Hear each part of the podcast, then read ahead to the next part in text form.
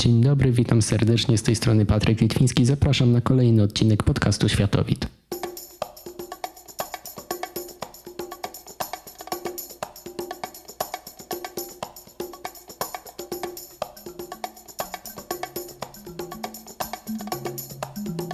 W poprzednim odcinku podcastu Światowit Tadeusz Mikołajczak przedstawił naszym słuchaczom obecną sytuację na Bliskim Wschodzie.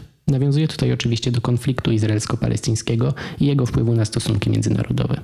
Choć doszło już do zawieszenia broni między stronami, wciąż nie można mówić, że kryzys jest zażegnany. Do tego jeszcze daleka droga. Natomiast szczególną uwagę należały poświęcić temu, jak inne państwa świata, zarówno Europy, Azji, czy choćby jak Stany Zjednoczone, zareagowały na owy konflikt. Dzisiejszy odcinek poświęcę właśnie Stanom Zjednoczonym.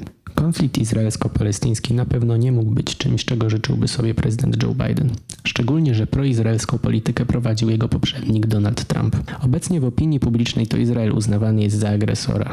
Natomiast sam prezydent Joe Biden nie objął tego kraju wśród priorytetów swojej polityki zagranicznej. Na tej liście znalazły się raczej Chiny, Rosja, kondycja NATO czy kwestie klimatyczne. Mówiąc, że Izrael został pominięty, to nie lada eufemizm. Stany nie mają w nim nawet swojego ambasadora od czasu, gdy z pełnienia tej funkcji ustąpił David Friedman. W wyniku zaistniałego konfliktu Stany wysłały na Bliski Wschód specjalnego wysłannika, co stawia je w roli mediatora. Biden natomiast miał już swój wkład w relacje na linii Stany-Izrael jeszcze jako wiceprezydent. Podpisanie przez Stany Zjednoczone paktu nuklearnego z Iranem znacznie osłabiło kontakty z rządem Izraela. Obecnie po eskalacji agresji między Palestyną i Izraelem, w kuluarach Kapitolu rozbrzmiewały głosy podjęcia środków nacisku na Izrael. Natomiast Biden obawiał się, że doprowadzi to do rozłamu w Partii Demokratycznej i narazi ją na bardziej odczuwalne starcie z republikanami. Prezydent musi bardzo uważnie dobierać słowa, szczególnie po ostatniej wypowiedzi, gdy udzielając komentarza na temat wymiany ognia między stronami konfliktu stwierdził, że to Izrael ma prawo się bronić. Te słowa wywołały falę oburzenia i zarysowały linię podziału wśród demokratów. Powściągliwość Bidena wynika jednak z jego ambitnych planów, których realizacja wymaga solidarności, a w momentach kryzysowych szczególnie łatwo jest to błąd. Biden zapowiadał się jako prezydent przejściowy, mający skorygować ścieżkę obraną przez swojego poprzednika i jego administrację.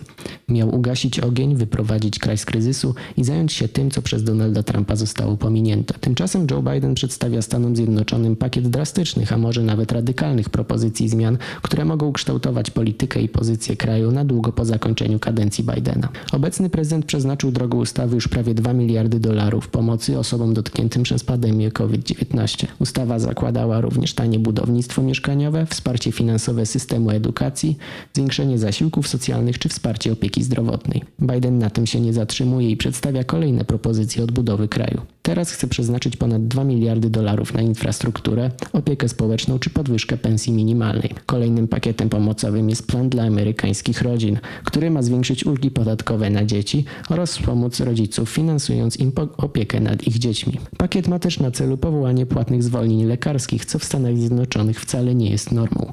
Kolejną inicjatywą mają być darmowe studia dwuletnie w tzw. Tak community colleges.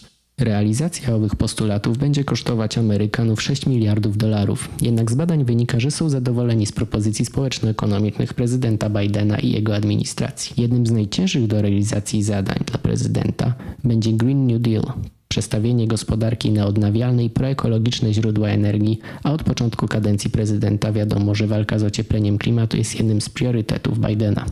Prezydent Stanów Zjednoczonych stawia na współodpowiedzialność społeczną, kreuje wizję państwa pozbawionego nierówności społecznych i z szansą na ziszczenie się amerykańskiego snu. Należy więc liczyć, że dojdzie do realizacji ambitnych celów Bidena i że Stany Zjednoczone ponownie staną się krajem dającym przykład innym. W dzisiejszym odcinku podcastu Światowit to już wszystko. Bardzo dziękuję słuchaczom za obecność. Następny odcinek podcastu ukaże się standardowo w kolejny wtorek o godzinie 17 w serwisach streamingowych. Serdecznie zapraszam i do usłyszenia.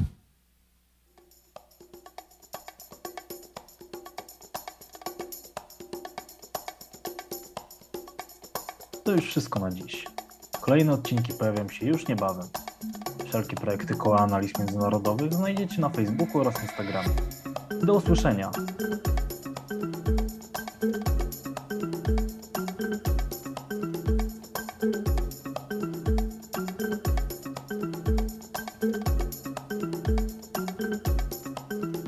W stawaniu niniejszego materiału nieocenioną pomocą służyły artykuły Tomasza Zalewskiego publikowane na łamach portalu polityka.pl.